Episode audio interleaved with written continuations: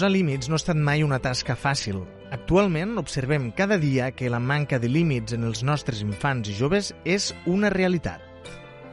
La paraula límit té a veure amb la vora, amb el terme o final d'alguna cosa, té a veure amb la frontera, té a veure amb fins aquí n'hi ha prou. Així escrit sembla molt fàcil, però no és tan senzill com sembla.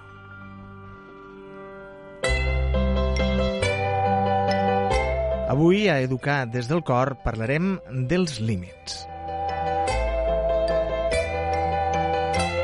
I com cada programa ho farem amb la companyia i la sapiència de la nostra col·laboradora Saida Casanova, educadora i autora del blog Educar des del cor. Aquí donem la benvinguda. Saida, bon dia. Hola, molt bon dia. I benvinguda.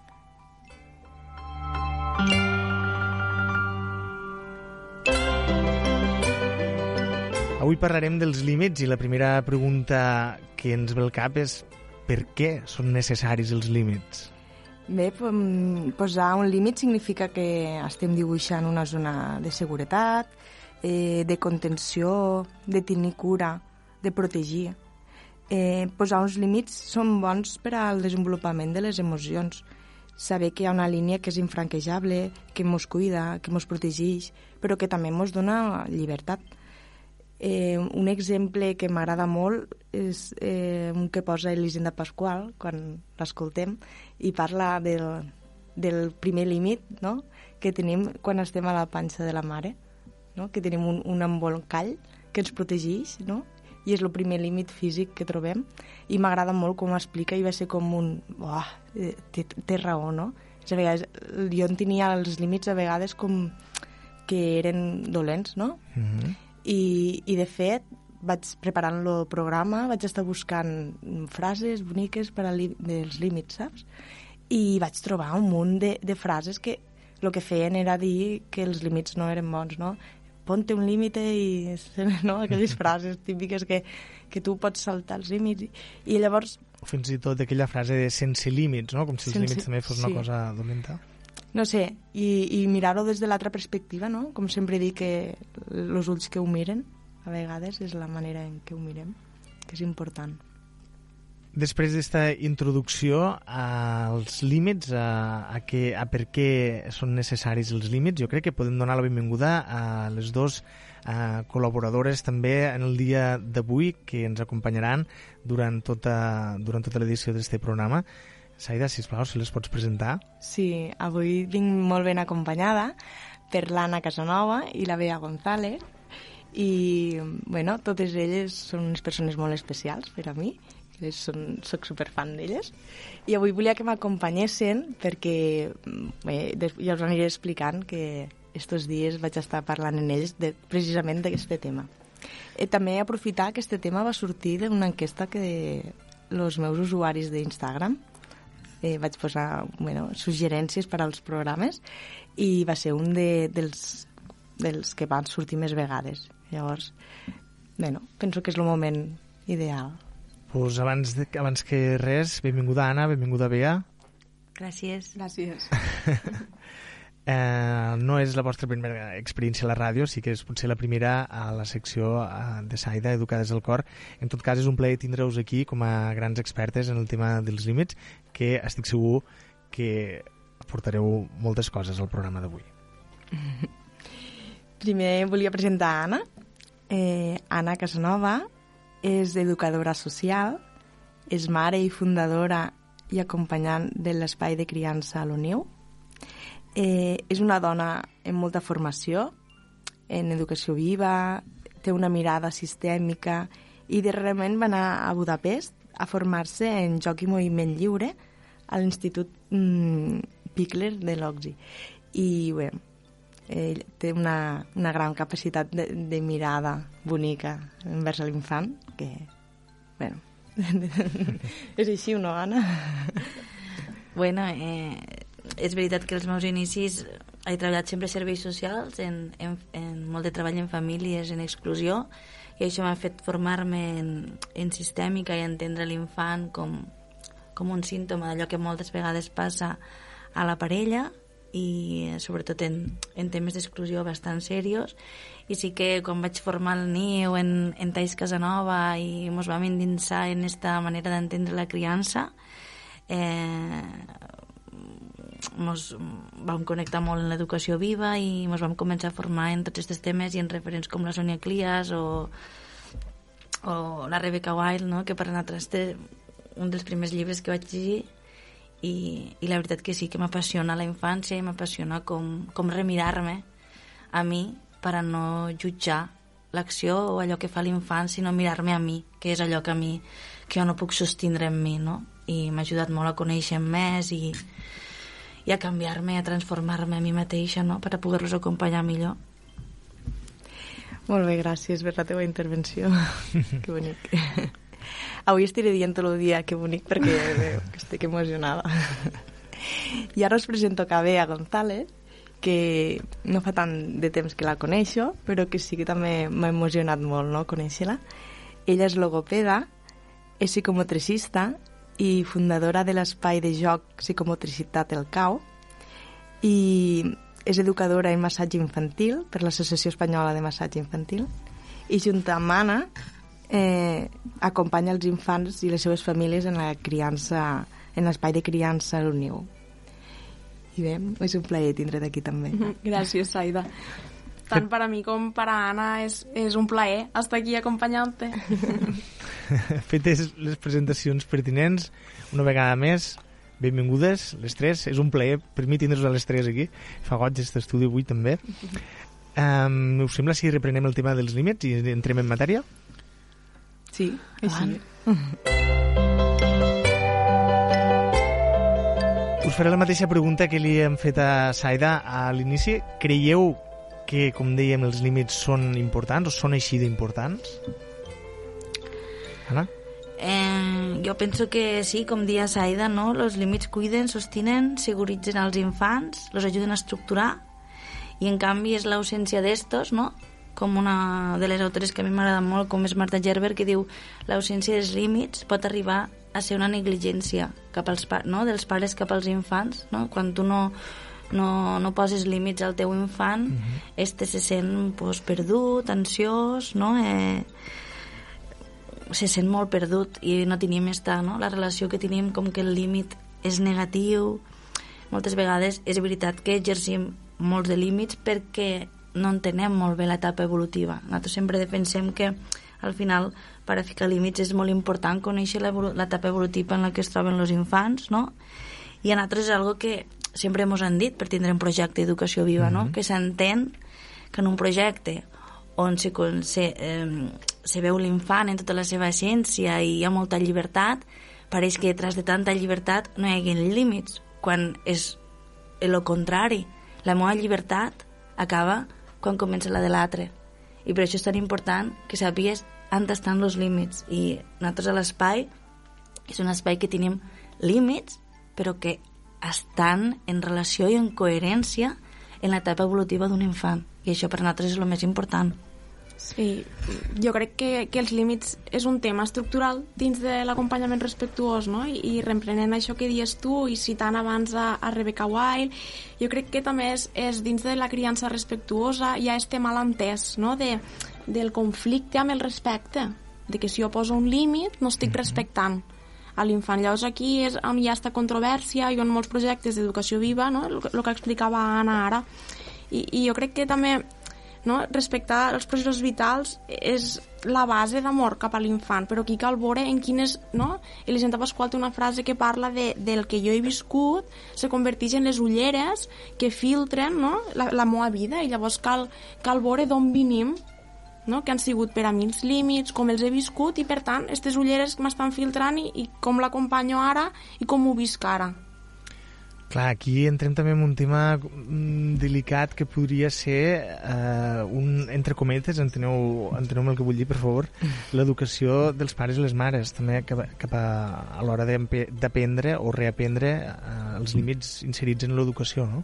Claro, la responsabilitat que tenim cada una envers a, a, a acompanyar el nostre... i en mirar-nos per a poder acompanyar, però sí, totalment, penso, no?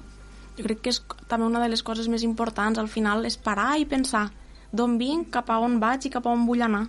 Uh -huh. I, i que al, al final no, no totes les famílies ho podem fer, al final és traure culpa també no? o sigui, cadascú fa el millor per al seu infant però aquella família que s'ho para i s'ho pensa i, i s'ho vol remirar família, educador, no? Sí. Mm, persona en contacte amb l'infant és necessari Sí, és així. Jo penso que moltes vegades les nostres vivències ens fan tindre aquests temors Mhm. i, per, i, i per les temors, aquests límits, no? Mm, no sabem on posar-los, mm, o són massa eh, restringents o són massa liberals, i jo penso que aquí pues, quan lliges del tema i, i vas a, a tallers com el que fa poquet que vaig anar Ara en parlarem, ara. pues aquell, allò et fa obrir una mica la mira no? i dir, bueno, estem aquí no? cap on te vull anar no? com deia Bea i, i d'on vinc per saber exactament que, quina és la meva base Clar, perquè estem parlant de límits, però deixeu-me que incorpori una altra paraula, que és les normes. En què es diferencien? En, en què s'assemblen els límits i les normes? Són el mateix? No són el mateix? Uns són més bons que els altres? eh, en teoria, bueno, per a nosaltres, bueno, per a mi els límits és una cosa que és, han de ser pocs, clars i que són, són negociables. És a dir, és, realment fa referència a la definició de la paraula límit, és hasta, hasta aquí. Està aquí. I, en canvi, una norma, no?, pues, es, se pot negociar, són més flexibles. Per exemple, un, el que diríem són les línies roges, no?, el límit, Uh -huh. i llavors el que és que cadascú hauria de buscar la que més li convingui i que una cosa que per a mi pot ser un límit pot ser per a tu no, no ho és. Depèn el que diguem, no? Depèn l'espai, depèn com tu lo prepares i depèn com, com tu vols educar en aquell infant. I, per exemple, no sé, posaria un, un límit que és, a casa meva és infranquejable, és que dalt de la taula no es puja. Uh -huh. Els infants, eh, quan tenen la llibertat de pujar sols a la seva cadira, no? ho intenten perquè està més alt, i... però a casa meva no es puja dalt de la taula. Hi ha una necessitat, no? Sí. Pues llavors se li dones un altre espai on en aquest espai està preparat perquè puguis pujar. Aquí sí que pots pujar, no? O, no sé, imagina't que comença a tirar eh, tots els plats i tot això. No, els plats no es poden tirar. Si vols tirar, aquí tens pilotes o aquí tens Mhm. este altre material. Sobretot això, oferir, no? Això és una... Sí. És important que detrás del límit hi ha una necessitat de l'infant i moltes vegades no la podràs eh, realitzar in situ, no? El que dia Saida, de un infant que comença a tirar coses, no? perquè aquesta necessitat de tirar, de separar, d'explorar de, de, no? de, d'explorar els materials, tu en aquell moment li pots oferir, doncs mira, recorda que si tens ganes de tirar, podem tirar les pilotes, no? O el que ha dit de pujar a la taula, un infant que està en un moment en què necessita moure's i necessita provar i tindre reptes motrius i necessitarà pujar a la taula, doncs potser no tindràs un rocòdrom a casa, però tu pots recollir que aquell infant, això és un límit, però jo recollixo la teva necessitat i la valido. I et puc dir, veig que tens ganes de pujar. Doncs després podem anar al parc, podem buscar una zona on tingués reptes motrius, no? Clar, suposo que si apliquem això al moment adequat no arribarem, en teoria, en aquell moment que l'infant diu és que vull, vull pujar a la taula i tu li dius no, a la taula no, puja aquí i ell diu no, vull pujar a la taula Aquí suposo que una mica el que intentem un, evitar és això no? En este, cada en un este... no? fa el que pot. M'enric perquè a vegades hi ha moments que són tensos i, Clar. i, i llavors quan hi ha aquests moments tensos jo, per exemple, penso ai mare, a veure si m'hauré passat a veure si... no? perquè són aquestes inseguretats que tens no? perquè, perquè encara no, no tens la... és a dir, saps que sí, que això està bé i que jo ho tinc, estic convençuda però que hi ha moments que dius ai mare, a veure si m'he passat a mi em passa per aquestes inseguretats vol dir que algo dins de tots els que estem allí im- implicats està movent-se i És que una- som humanes. no? és important que, que, lo que, dia, que cada un en el que té fa el que pot però bueno, aquí estem Bé, alguna cosa més a afegir respecte als límits i les normes? No, més que res, és reafirmar el que ells estaven dient, no? I que l'infant és desig, és pur desig, i que ell se mou pels seus instints, i llavors al final és una mica l'adult qui no ha de perdre el nord i ha de poder, no? Ha de poder validar, ha de poder ajustar-se i ha de poder limitar.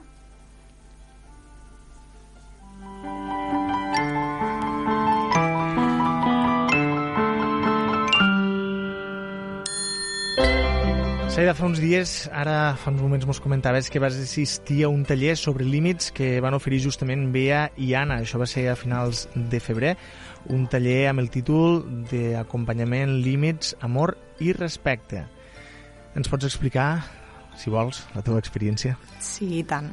I tant, va ser, va ser una experiència molt, molt profitosa, molt bonica, i que mm, quan vaig sortir d'allí vaig estar pensant mm, tot el dia en aquell taller i aprofito que avui per que us tinc aquí no? per donar-vos les gràcies d'oferir este taller de, de, de, de vivències no? que la veritat és que et fan remirar-te i et fan de dir bueno, no? Lo, com estem acompanyant què és el que estem fent no? els límits m'ha agradat molt les dinàmiques que mos van fer eh, la posada en pràctica de tot el taller no? en aquella calma, en aquell ritme en aquell, no sé, va haver un, un moment no, molt màgic i després quan te'n vas a casa i ho repenses, no? És això el que t'emportes, no? La vivència esta. I és que no us estic explicant res, però, però és, tot la, és tota la emoció que jo vaig sentir, no? I per això allò m'ha fet pensar que teníem que fer este programa avui, perquè, perquè properament faran, oferiran un, una, una formació que serà una mica un puntet més en aquell taller i que ens ho expliquen elles una mica, però penso que, que val molt la pena i per això eh, avui estan aquí acompanyant-nos.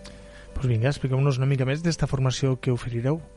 La oferirem el dissabte 28 a les 10 i mitja del matí aquí a l'Espai Puntual.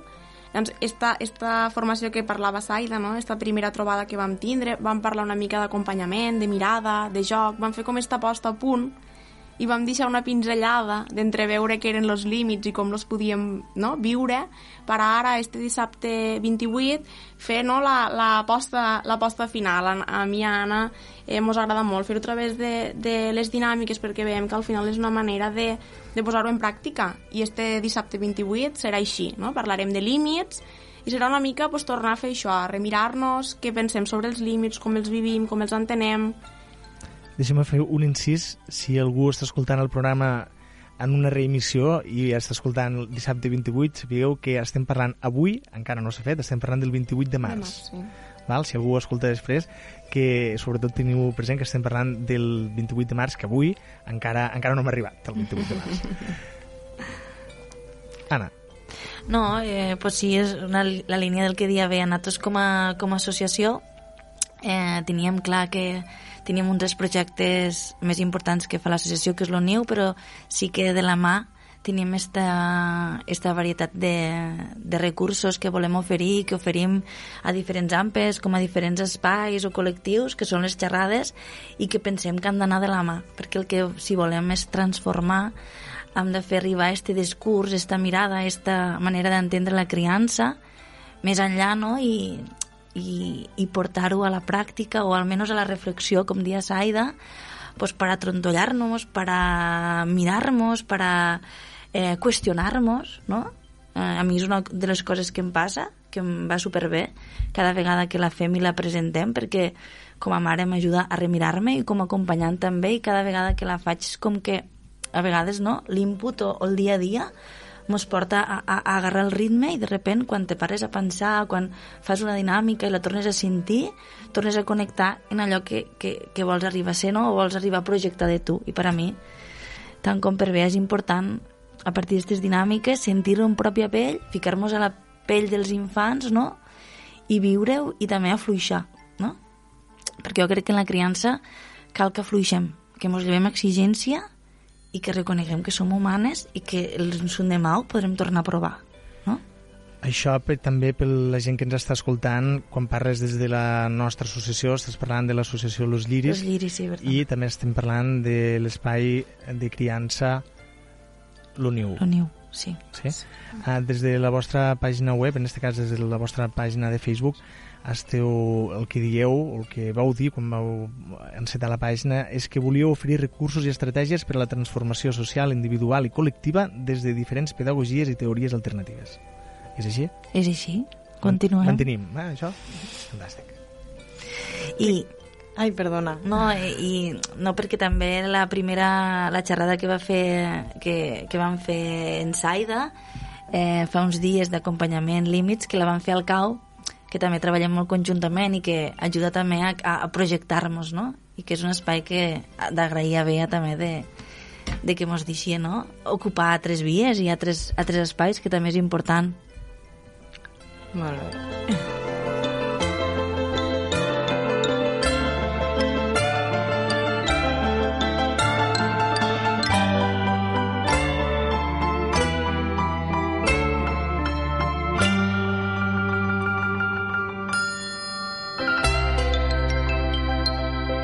Saida, avui estem parlant dels límits, ho estem fent en companyia de Bea González i Anna Casanova.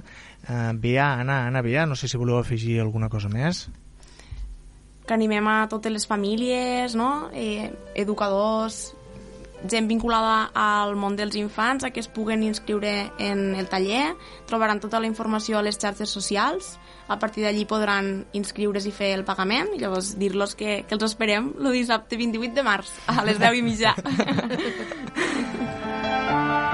Moltes gràcies, Bea, moltes gràcies, Anna, per recolzar-nos, per fer-nos companyia en, avui en este capítol d'Educades del Cor, en el qual parlem dels límits. Ha estat un plaer compartir esta primera part de, de l'episodi d'avui amb vosaltres i espero que no tardeu molt a tornar a passar per aquí, eh?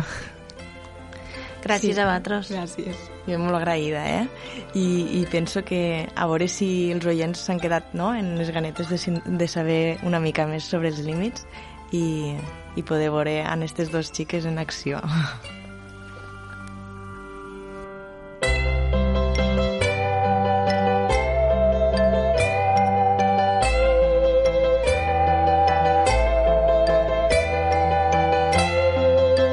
Saida, a cada programa ens planteges, ens proposes una recomanació literària i avui que hem parlat dels límits, eh, m'agradaria saber quina recomanació mos faràs. Avui era impensable portar un altre llibre perquè és el primer que em vaig llegir i és, com m'ha dit Anna fa un momentet i també l'ha nombrat la nostra companya Bea, eh, Rebecca Wild, Liber Llibertat i límits i amor i respecte és un imprescindible, crec, per a entendre la, la magnitud de, de, tot, de tot plegat. Jo penso que si llegis este llibre, el subratlles, l'aprens i te fas apunts, ja ho tens, la teoria. és important no subratllar aquesta teoria. Però que és, és, són molt pràctics, que l'autora descriu no, el seu dia a dia a l'escola, eh, que va posar en marxa, els comentaris que sent de la gent, mm, no? les xerrades que fa, com se comporta la gent a la xerrada i tal. I, i recordo no, que hi ha un, al principi, no sé, o al segon capítol, no sé, hi ha, ella diu que va començar una xerrada i que hi ha una xiqueta allí al mig de la xerrada movent-se, fent soroll, tal i qual, descobrís que picant en terra fa més soroll i tal i qual, i, i ella pensa, diu, ara com ho faig? Li dic a la xiqueta que se l'emporten, li dic no sé què, com ho dic, saps? I llavors comença la xerrada dient, eh, no sé si és exactament, eh, però més o menys, dient, eh, i quan vam començar tot el tema de l'educació viva, i va, per a parlar dels límits i tot això, ens va passar el mateix que la mare d'esta xiqueta. Mm, donant a entendre, no?, que, clar, el límit està, com diem, és a dir, està aquí, és a dir, no pots interrompre una, una conferència perquè jo te vull respectar és a dir, doncs potser no és el moment, potser no és l'espai, potser haurem de sortir si vols jugar, no? I m'agrada molt perquè a vegades, no, este puntet costa de trobar. No sé, què, què te sembla? Sí, no, estic pensant que en aquest cas eh, l'adult ha de sacrificar no, un, un, eh, en benefici de l'infant, en aquest cas l'assistència en aquesta xerrada, partint d'aquest exemple, perquè l'infant no, no es frustra, no? Clar. Eh, és, és aquí, és aquí on te juguem no, el paper de, com abans parlàvem, de quan pugem a la taula, no, pues, està, ara no pot seguir la taula, però mm. pot ser d'aquí un ratet al parc, no? És, és buscar este, esta mirada, i me va agradar molt, perquè me va ajudar molt la lectura d'este llibre, i el recomano que altra volta, i, i bé, Rebecca Wild té uns quants llibres, i este va ser el primer que vaig llegir, i el recomano que a tothom.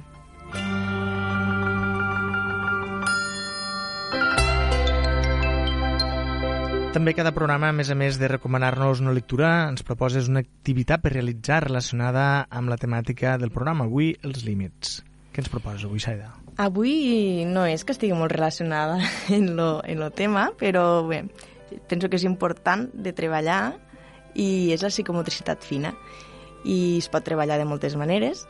Avui us proposo que, que esta etapa, no? esta etapa d'infantil, no? Com podíem fer que els xiquets tinguen una bona coordinació ull-mà i us proposo que sigui a través de la costura.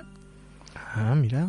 És a dir, que els més minuts poden pod podríem fer més vida pràctica, en plan botonar, pujar cremelleres i cordar els cordons i aquestes coses, però a mesura que van mm, creixent una miqueteta podíem introduir el tema costura. És una activitat que jo sempre introdueixo cap a 4 perquè ja, ja comencen a, alguns a estar preparats i és com una proposta. I sí, se tracta d'agafar un teler en, en una roba, jo agafo sempre roba de sac que és més com a que, que és més fàcil, uh -huh. i llavors en una agulla enfilar-la, eh, començar a cosir amunt i avall, i, i tindre aquesta proposta eh, els agrada molt. És com una cosa de grans, i ells ho diuen. Cuso com la iaia, no? I també, pues, no sé, pues, enfilar botons, fer collarets, eh, macarrons, vull dir que tot...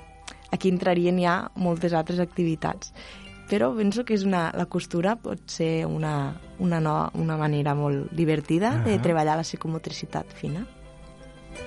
Apuntat queda.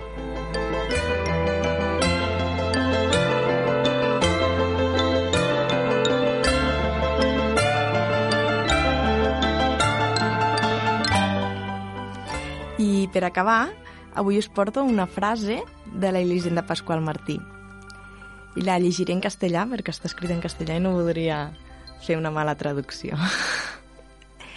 Los mimos no malcrían una criatura. Lo que malcría es la ausencia de límites. Pensi-m'hi.